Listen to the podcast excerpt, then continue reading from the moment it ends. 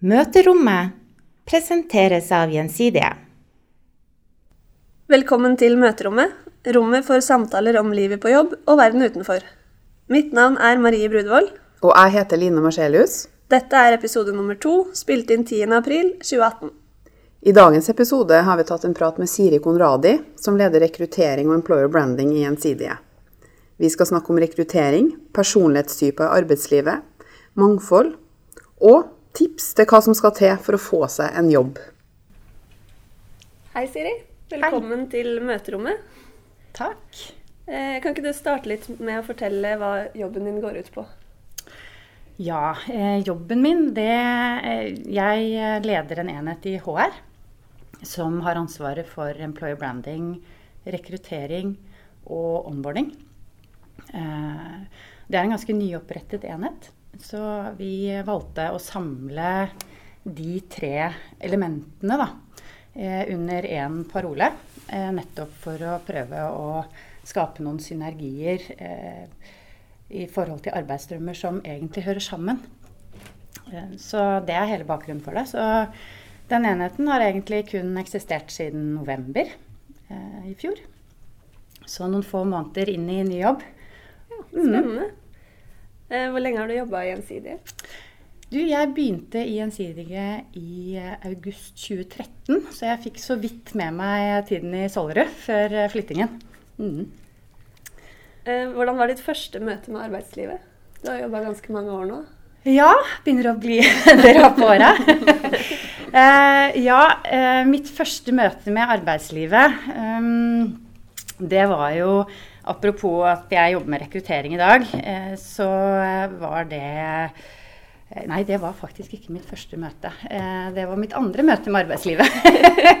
Eh, mitt første møte med arbeidslivet, det var en sommerjobb hvor jeg eh, vasket tog Ja. ute i Lodalen.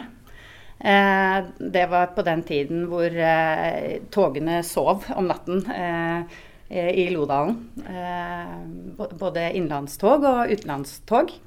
Det var en ganske tøff jobb å jobbe turnus. Eh, skiftet på senger på nattog og eh, tørket opp diverse etter at eh, folk hadde reist til Oslo for å være på fotballkamp. Og eh, da var det røykevogner også på den tiden, så det var en ganske Eh, ganske så heftig opplevelse for en eh, ung jente fra Bærum. Ja, Ja. det kan jeg se for meg. Mm. Men Siri, du har jo en ganske lang og variert erfaring innenfor HR-feltet. Ja. Du jobber med rekruttering, lederutvikling, eh, Mm. organisasjonsutvikling. Mm. Hvordan havna du egentlig innenfor det her feltet? Mm. Det er en litt sånn eh, Det er en litt lang og rar historie. Jeg skal prøve å gjøre den kort. Eh, Min karriere er som preget av eh, egentlig tre eh, elementer. Det er litt kompetanse. Eh, En tredjedel kompetanse, for å si det, da. Eh, En tredjedel mindset og en tredjedel flaks, egentlig. Eh, du, for å starte med kompetanse, så På den tiden da jeg studerte, så fantes ikke HR eh, som et eget fag, fagfelt. Um, jeg visste heller ikke hva jeg skulle bli når jeg ble stor, eh, da jeg skulle ut og studere. Så jeg valgte rett og slett å studere hobbyene mine. Eh, jeg har eh, mellomfag, eller bachelor heter det nå, i kunsthistorie. Jeg har en bachelor i teaterproduksjon fra Trondheim. Eh, og eh, jeg gikk opp til eksamen med Jon Brungot, faktisk. Eh, han ble det noe av på den eh, måten. Du kunne, du kunne stått på en scene, andre ord. Nu vel. Eh, kanskje jeg innså min begrensning, jeg vet ikke. Um, eh, og så har jeg altså hovedfag, eller master, da, i kulturstudier fra Bø i Telemark. Um, og der var det mye sosiologi. Eh, så jeg har egentlig en utdannelse som er eh, litt merkelig og litt annerledes. Men eh, det den er preget av, er hele veien å lære om relasjoner mellom mennesker og interaksjon mellom mennesker og ulike kulturer. Og det fascinerte meg veldig, akkurat den biten der. Eh, Og i forhold til eh, Man kan godt si at eh, jeg har en At jeg bør ja, blir litt sur hver gang jeg får nedbetalingen på studielånet. Fordi at jeg valgte noen studier som man kanskje ikke fikk bruk for. Men det jeg har oppdaget etter hvert som jeg ble eldre, har egentlig vært at det er det som har formet meg. Da. Det er det som har formet min karriere. Og det startet jo eh, med at jeg satt på toget eh, hjem til Trondheim da jeg studerte der. Eh, og så møtte jeg et teaterlag, Hemne teaterlag, som holder til ute i Kyrksæterøra. Eh, som jeg satt på samme vogn som. Eh, og så begynte jeg å snakke med en av de damene der. Eh, og da snakket vi om utdannelsen min og hva jeg kunne bruke den til. Og så hadde jeg en sånn idé, da, en tanke om at disse eh, eh, hva skal jeg si, teknikkene som eh, vi bruker, for jeg drev mye med improvisasjonsteater.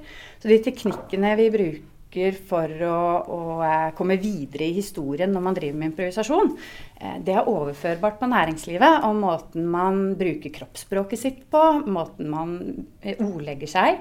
At man aksepterer fremdriften i en historie framfor å blokkere den. Alle disse elementene. Og kreativiteten. Jeg hadde liksom en tanke om at dette her burde faktisk næringslivet lære litt av. Da. Så drev jeg og snakket med henne om dette på toget. Og så sier hun du, Siri, vet du hva? Jeg driver et gjestgiveri ute på Kyrksæterøra eh, hvor jeg tar imot bedrifter. Kunne jeg hatt deg på, eh, på, si, på listen over ting de kan gjøre eh, når de kommer på besøk hos meg? Ja, ja, selvfølgelig, sier jeg. eh, det, la oss teste det ut, da. Så jeg testet, jeg holdt jo da kommunikasjonskurs eh, to ganger der. Eh, en gang for eh, forskere på avl av gris og laks. Det var en selsom opplevelse. og en eh, annen gang for eh, faktisk eh, Molde fotballag, elitelaget. Det var også en helt i andre enden av skalaen opplevelse. Eh, men det var på en måte starten litt, da. eh, på min vei. Eh, og da kom jeg egentlig til til eh, den ene Den andre tredjedelen av hva som har formet meg, nemlig eh, litt sånn eh, mindset. Eh, Da valgte jeg å hoppe ut i noe jeg egentlig ikke kunne. Eh, nemlig å, å fasilitere eh, kurs og eh, heve kompetansen til folk. Eh, så det var en ny, ny greie for meg. Eh, og så handler det om den siste delen, nemlig flaks. Altså det å være på rett sted til rett tid. Eh, og samtidig tørre å ha en litt sånn Pippi-holdning. Dette har jeg ikke gjort før, så det får jeg helt sikkert til. Eh, hele min reise er egentlig preget eh, mye av det. Og at eh, jeg har truffet på mennesker som har turt å satse, da. Som har sett at eh, mindset også faktisk eh, kan bidra inn i tillegg til erfaring og kompetanse. Og det har jeg også dratt med meg når jeg jobber med rekruttering. Mm. Da har jo du en ganske ja, sett opp imot mange andre bakgrunner i denne bransjen vi jobber i. En litt uh, mer kreativ og mangfoldig bakgrunn, kan vi si. Ja, det kan du Ja. si. Eh, Så det er jo kanskje en av grunnene til at jeg tenker som jeg gjør på mangfold, da. Ikke sant? Eh, Jeg vet ikke. Men, men jeg tror at mangfold er så mye, mye mer enn etnisitet og kjønn. Mm. Det handler om hvem man er som mennesker, og at folk er ulike, rett og slett. Og en av de delene som mangfold går ut på, er noe vi er litt opptatt av, personlighetstyper. Mhm. Eh, vi har jo snakka sammen om det før. Eh, jeg er kanskje den mer utadvendte, og du Marie Litt mer. innadvendt. eh, hva slags personlighetstype vil du si at du har? I forhold til eh, Sånn introversjon og ekstroversjon? Ja, eller i hvis, forhold hvis til vi kan grov, grovdele i det, da, som kanskje de fleste forbinder med enten-eller. da. Ja, eh, jeg vil jo si at jeg heller mot eh, egentlig ganske kraftig mot ekstroversjon, da. Ja. Ja. Eh, samtidig som jeg ikke makser ut eh, på den skalaen. Eh, det er jo noen settinger jeg kjenner meg ukomfortabel i. Eh, det å være store, på store arenaer eh, hvor mingling er i fokus, f.eks., og jeg ikke kjenner folk, eh, det, da er jeg ukomfortabel. Men da handler det om å kle på seg en maske og gå inn i det. Og i og med at jeg er av den andelen befolkning som liker å høre min egen stemme, så, så, fungerer det på et vis, da. Ja, men kan du, noen, kan du noen gang bli lei av din egen stemme? Altså Du føler at ja, du trekker altså, deg litt tilbake? Ja, sånn har jeg iallfall av og til. ja, nei, eh, det jeg har oppdaget heldigvis da, for en stund siden, det er at uh, nervøsitet for meg det gir seg til uttrykk i at jeg begynner å prate ja. mye ja. og bable ja. ofte. Eh, så det har jeg etter hvert med årene lært meg å holde litt tilbake. Eh, og kjenne litt på, da. Eh, og jeg tror det er viktig i forhold til ulike mennesketyper. At man, at man eh, kjenner seg selv litt. Og at man forstår hva er det som får meg til å tikke den ene eller den andre veien. Eh, og hvorfor reagerer jeg på andre som jeg gjør? Eh, og det er jo noe vi har jobbet mye med når jeg har jobbet med teamutvikling eh, og sånt. Da jeg, jeg jobbet som organisasjonsutvikler. Eh, det handler jo om nettopp det der å forstå ulikhetene i teamet. Eh, hvis man forstår hvorfor eh, Marie er stille, så er det kanskje ikke fordi du ikke har noe å bidra med, men fordi at du trenger litt tid på å tenke. og det er jo hovedforskjellen på dette med å preferere introversjon og ekstroversjon. Eh, vi som er mer ekstroverte, vi snakker og tenker samtidig. Eller i verste fall snakker først og tenker etterpå. eh, intro, de som prefererer introversjon, de tar den tiden eh, de trenger for å tenke seg om, for så å snakke. Eh, og stillhet gjør ingenting. Eh, vi som er i den andre enden av skalaen, vi blir litt sånn smånervøse av stillhet om å fylle det rommet med noe. Ja, det skjønner jeg godt. ja, og det kan være litt sånn slitsomt for eh, introverte, da. For det introversjon og ekstroversjon, det handler jo ikke om sjenanse eller eh, dårligere kommunikasjonsevner eller noe ting sånn. Det handler om hvor man henter energien, da. Eh, man henter eh, Introverte henter energien innenfra.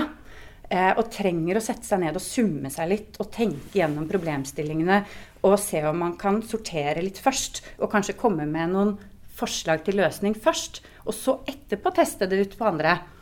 Mens vi eh, ekstroverte, da, vi liker å idémyldre og tenke høyt sammen med andre. Eh, og da slipper ofte ikke introverte til i samme grad, og det kan være frustrerende. Eh, det kan være frustrerende begge veier. Eh, at vi kjenner at de ikke bidrar, eh, men at de også kjenner at de ikke slipper til. Så det handler om at vi må orke å kjenne litt stillhet, da. Det var gode råd. Det skal vi ta med, ta med oss. ja, da jeg selv var jobbsøkende, så så jeg veldig mange stillingsannonser som mm. gjerne vil ha folk som er utadvendte, fremoverlent, mm. litt spisse albuer og sånn. Mm. Og jeg er jo introvert selv, og jeg tenker ofte at det her, det er jo ikke meg. Det passer ikke til denne stillinga. Um, og da dropper jeg å søke på den. Hvordan sikrer vi gjensidige at vi ikke går glipp av de talentene som ikke nødvendigvis roper høyest? Hva mm. slags metoder bruker vi for å fange opp sånne som meg? mm. Det er et veldig stort spørsmål, et veldig komplekst uh, spørsmål. Men jeg tror at det er viktig at vi, uh, spesielt i en rekrutteringsprosess, da, uh, ikke lar oss sjarmere av prat. Mm. Um, men det kommer ofte altså, Jeg tenker at uh, hvis man er litt bevisst disse tingene her, så uh, gir det seg litt selv også hvem som er uh, rett for jobben. At ikke det nødvendigvis er de som prater mye. de kan jo rett og slett bable seg vekk fra det de faktisk blir spurt om. Um, jeg husker det som fascinerte meg mye med min eh, forrige leder, eh, Morten Sjøstad, eh, som fortsatt jobber her i Gjensidige. Det, det var, for han er jo litt mer tilbakeholden og introvert enn det jeg er. Men når vi satt i samme rom og diskuterte noe, så kom jo jeg med masse tanker og ideer og eh, snakket masse. Og så var det ti sekunder stillhet. Og, og, da har jeg kanskje snakket i et kvarter non stop. Så oppsummerer Morten da eh, alt det jeg har sagt, med én komprimert setning. Så det du egentlig sier, er Og så kommer det. Og jeg at bare, vet du hva, Den egenskapen der skulle jeg så innmari gjerne hatt. Eh, og i en intervjusituasjon da, så tenker jeg at eh, hvis de som er litt mer tilbakeholden, får muligheten til å tenke seg om, og det får man jo gjerne i en intervjusetting, eh, så når det kommer ut noe så er det eh, som regel eh, noe hold eller sens, og det er en liksom, komprimert eh, og godt svar. Mm. Eh, mens eh, vi andre kanskje snakker oss mer frem til svaret. Og det kan være litt sånn utmattende for de som sitter og intervjuer, da. Men jeg tror at Jeg tror, og egentlig forskning også viser jo at man bør Jeg hørte en podkast, faktisk, eh, av eh, Nobels, eh, nobelprisvinner Daniel Kahneman i psykologi da, fra 2012. Og han har forsket litt rundt dette her med bias og eh, intuisjon. Eh, og det han sier, da, det er at eh, hvis man klarer å utsette intuisjonen, så vil man få en litt mer objektiv eh, holdning til den som sitter foran deg. Og da vil eh, Det er eneste måten nesten å eh, prøve å minimere bias.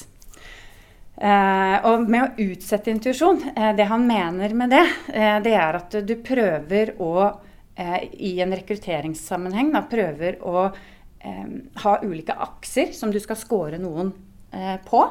Og så prøver du å se de aksene helt objektivt, eh, isolert sett hver for seg, og så setter man sammen etterpå. Istedenfor at man starter med å se etter et helhetsinntrykk, for da kommer intuisjonen litt for fort.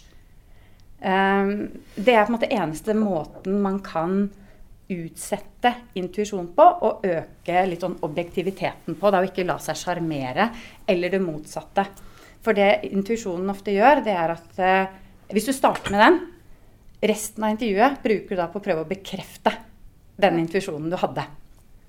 Og det er litt derfor man får liksom testverktøy og eh, litt sånne ting for å prøve å, å eh, øke objektiviteten. Da. Men jeg tror at eh, 100% objektivitet i en rekruttering det er nesten umulig å få til. Ja. Mm. Personlighetstyper det er jo en del av mangfold. Du var jo så vidt innpå det i stad, Siri. Mm. Um, vi skal, jo, eh, vi skal, jo, rekruttere på bakgrunn av mange eh, egenskaper mm. eh, og karakteristikker. Kjønn, arbeidserfaring, alder osv. Mm. Men hvordan er det egentlig mulig å fange opp det her mangfoldet i rekrutteringsprosessen? Det snakkes så mye om det i mediebildet nå. Alle mm. store selskap skal være et mangfoldig selskap. Men mm. hvordan jobber vi med Eller hva tenker du om det? Mm. Mangfold er jo, som jeg var inne på, et, uh, i mine øyne et veldig vidt begrep. Eh, ofte når man snakker mangfold, så ender man ned på eh, kjønn og etnisitet. Eh, sånn historisk sett, da, det er det mange legger i det begrepet. Men jeg tror at eh, hvis vi skal drive dette selskapet her fremover og klare å rekruttere inn riktig, eh, så må vi tenke på mangfold i mye videre forstand. Eh, da må man jo også tenke på hva, hva er bakgrunnen til det mennesket som sitter foran oss, har vedkommende en kompetanse eller en bakgrunn som vi ikke eh, sånn faglig sett eller sosialt sett, som vi kanskje ikke har fra før, eller som fyller et hull. Da. Eh, og vi må også bli flinkere til å ikke snu bunken når vi rekrutterer. Eh, at vi tenker ok, her har vi en ledig stilling. Hvorfor har vi en ledig stilling? Jo, fordi at vi har et problem vi ønsker å løse. Hvem er det som passer best til å løse akkurat det problemet? Er det en tro kopi av eh, Per eller Pål som sluttet? Eller eh, kan vi nå tenke litt nytt og annerledes og, og, se hva som rører seg der ute, da? Og jeg tror at hvis vi evner det siste, eh, så vil vi komme veldig langt. Og de bedriftene som virkelig klarer dette og har satt det ordentlig i system, eh, de ser vi også har en innovasjonskraft som er mye større enn alle andre. Ehm, så jeg tror at eh, det å Det er veldig lett å rekruttere inn en kopi av seg selv. Det er liksom det enkleste man kan gjøre. Men eh, da vil man ikke komme frem til den tredje løsningen. For jeg tror på at hvis man eh, har ulikheter, så får man også gode diskusjoner i et team. Og man Hvis man har da to ulike løsninger og har gode diskusjoner rundt det, så vil man kunne komme frem til en tredje løsning som kanskje er enda bedre enn de to man hadde, og som man diskuterte. Eh, og jeg tror at man enklere kommer fram til den eh, ved å fokusere på mangfold. Da. Det tror jeg. Og så kommer det jo nå etter hvert eh, på markedet noen hjelpemidler eh, for, eh, i rekruttering. Eh, vi snakker jo mye om robotisering og automatisering av ulike deler av prosessen. Eh, noen bruker jo testverktøy i screeningsammenheng. Eh, og det handler om å øke effektiviteten. og kanskje, Der får du den der rangerien som Daniel Canman snakket om, hvor du kan segmentere innenfor ulike akser eh, på en personlighet eh, og kompetanse. Men du har jo også verktøy som, eh, som hjelper deg å tiltrekke eh, de menneskene du ønsker. Eh, og da er vi på kjønn foreløpig, da, men jeg håper at det kommer verktøy også som eh, ser etter mye andre ting. men det starter allerede i annonsen. Hva slags ord man bruker i annonsen. Og det er jo også eh, bevist at eh, noen ord eh, tiltrekker seg den mannlige delen av befolkningen, mens andre ord tiltrekker seg den kvinnelige delen av befolkningen. Og bare ved å endre ordbruk i det du skriver i annonsetesten, så vil du kunne øke andelen søkere av det ene eller det andre kjønn, avhengig av hva du er på jakt etter. Um, og det er ganske interessant. At man allerede der kan begynne å, å se på mangfoldet da, gjennom hva man sier i en stillingsutlysning. Mm. Det er interessant. Mm. Eh, mangfold er jo noe de fleste bedrifter snakker høyt om, som mm. Line var inne på. Nå mm. hører jeg jo at du har mange gode argumenter for at man, mangfold er noe positivt. Mm. Men er det noe man gjør bare for omdømmet? Eller hva tenker du om det? Jeg tenker at de bedriftene som gjør det kun for omdømme, de, eh, det er litt eh, som å pisse i buksa, unnskyld uttrykket.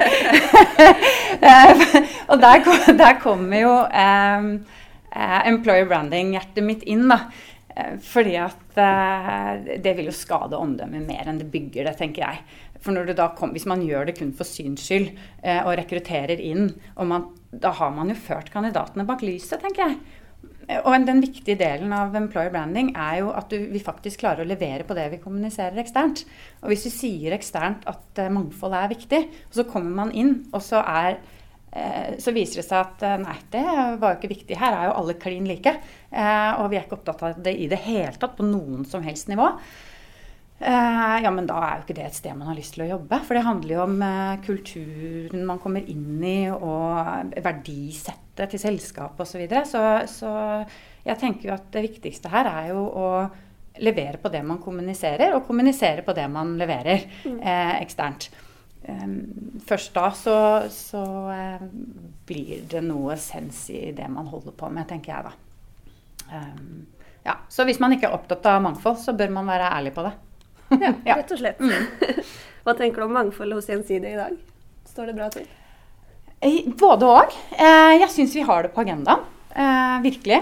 Eh, vi er jo opptatt av altså vi har jo, I forhold til kjønn da, så har vi en 50-50 fordeling totalt på selskapet. Vi har en liten vei å gå eh, i forhold til eh, kvinnelige ledere. Eh, å få opp den andelen. Eh, men vi har det på agendaen. Og jeg tenker at det er jo en utrolig god start. At man er opptatt av det. Eh, og samme med kultur og hvordan man kan eh, rekruttere inn mennesker med litt annen bakgrunn enn det man er vant til i forsikring. Eh, og det blir jo viktigere og viktigere nå også, som etter hvert som eh, eh digitaliseringen løper av gårde, så, eh, så, tenker jeg også at eh, vi er inne i et kompetanseskifte. Og vi trenger å se litt nytt og annerledes på verden. Mm. Forsikringsbransjen er jo i en kjempeendring, finansbransjen også. Og, og det å klare å se litt eh, fremover og ikke bakover når man også rekrutterer, da, eh, og tenker at eh, mangfold vil være med å drive oss fremover, det, det, tror jeg blir avgjørende rett og slett for vår suksesshistorie. Eh, og jeg kjenner at vi har det på agendaen. Så det er en god start. Det er vel det jeg kan svare på. Vi er ikke best i klassen, men uh, vi er på vei. Ja. Mm. Godt. Uh, endring i kompetanse og digitalisering. Og digitalisering er jo store, store ordet da, som mm. alle snakker om. Mm. Det påvirker kanskje også rekrutteringsarbeidet? Kan du fortelle litt om det? Absolutt. Eh, men jeg tenker jo i første omgang at hvis du tenker på rekrutteringsprosessen da, eh, og digitalisering av den, så tror jeg i første omgang at det handler mer om automatisering enn eh, kunstig intelligens i første omgang. For vi må skille litt her. Det er jo noen prosesser som jeg tror at vi kan gjøre enklere. At man, uh, ja, som jeg nevnte, f.eks. at man har uh, en funksjon som går inn og skanner en stillingsannonse, sånn at den treffer den målgruppen man er på jakt etter. at annonsene og utlysningene spres automatisk til de målgruppene man ønsker. det begynner jo å komme. og det er jo en form for automatisering. Eh, som hjelper oss og avlaster oss. Eh, måten man eh, screener på. Videointervju har vi jo så smått begynt å ta i bruk. Det er kjempespennende. og det gjør jo at screeningjobben blir litt lettere. Foreløpig så erstatter det ikke et intervju hos oss, men det hjelper hvis du har masse gode søkere. så kan du ikke kalle inn 10-15 kandidater på førstegangsintervju, men du kan sende en link og ha et digitalt intervju som blir tatt opp. Og da kan jeg sitte på bussen på vei hjem eller i sofaen hjemme og gjennomføre intervjuet og lytte inn på eh, det kandidaten har svart, og derav eh, eh, nedskalere antallet man tar inn på intervju. Sånn at du kan effektivisere på den måten. Um, og så kommer det jo etter hvert uh, nye ting som jeg tror foreløpig er litt for tidlig At det er litt prematurt å ta i bruk. da sånn, som gjenkjenner altså Funksjoner i videointervju for eksempel, som gjenkjenner ansiktsmimikk. Eh, og skal fortelle deg om du eh, snakker sant om du er ikke sant? Eh, som, ja, det fins jo noe sånt. Men så tenker jeg ja, men hva med, hva med nervøse rykninger, ja. eller hvis du har noe tics, eller hvordan fanger du opp det? Så det er noen sånne ting da, som jeg er litt skeptisk til foreløpig. Og for jeg tror kanskje, uten at jeg vet det ordentlig, men jeg tror at det er litt prematurt. Så vi skal nok ikke ta det i bruk enda i, i gjensidige. Det blir ikke heldigitalt over natta? Ikke, nei. Altså, mennesker rekrutterer mennesker. Eh, ja. Det er Vi skal eh, ikke Roboter kan få lov å rekruttere roboter, om det er mulig en gang. Men jeg tror at det er viktig med den menneskelige faktoren inn i det her. Det, det, er, ja. det er godt å høre. Det er helt sant. Eh, har du noen gang opplevd noen rare tilnærminger eller rare CV-er, søknader, hvor folk virkelig har gjort mye for å bli lagt merke til? Ja, altså ja, da må jeg komme på noen eksempler. Det er jo veldig mye rart. Parfyme på Nei, vet du, det, Leppestift på konvolutten. det er sikkert noen som har opplevd, men det har eh, ikke jeg, da. Nei. eh, det har jeg ikke. Men, eh, men, jeg har jo opplevd at eh, i, i stillinger hvor man skal inn og gjøre forbedringsarbeid, at man istedenfor å forsøke å argumentere for hvorfor eh, man kanskje vil kunne gjøre en god jobb i det eh, i forhold til personlighet og kompetanse og eh, verdigrunnlag osv., så, videre, så har man da brukt energien på å rakke ned på de eksisterende løsningene bedriften har. Eh, for så å si 'jeg kan komme inn og fikse alt det'. og det blir liksom eh, For det første så er det sånn nedlatende holdning eh, gjennom papiret. Eh, og så blir man litt sur. Man, altså, det er sånn Nei, da har du misforstått litt. Eh, men jeg tror det viktigste er at man eh, skriver en søknad, eller spesielt en CV, da, det er jo det jeg i hvert fall ser på først, som popper litt ut av bunken. Og at man tilpasser den, den jobben man søker på. Eh, og at du er ærlig i tilnærmingen din. Men at det kommer en form for personlighet gjennom CV-en. At man klarer det. Eh, det er jo et kunststykke i seg selv. Men hvis man klarer det, da tror jeg at man eh, virkelig kommer gjennom, da. Ja. Mm. Da fikk vi noen gode tips helt på slutten der. Mm -hmm. Supert. Det var veldig interessant å snakke med deg. Tusen takk for praten. Tusen takk for at jeg fikk komme.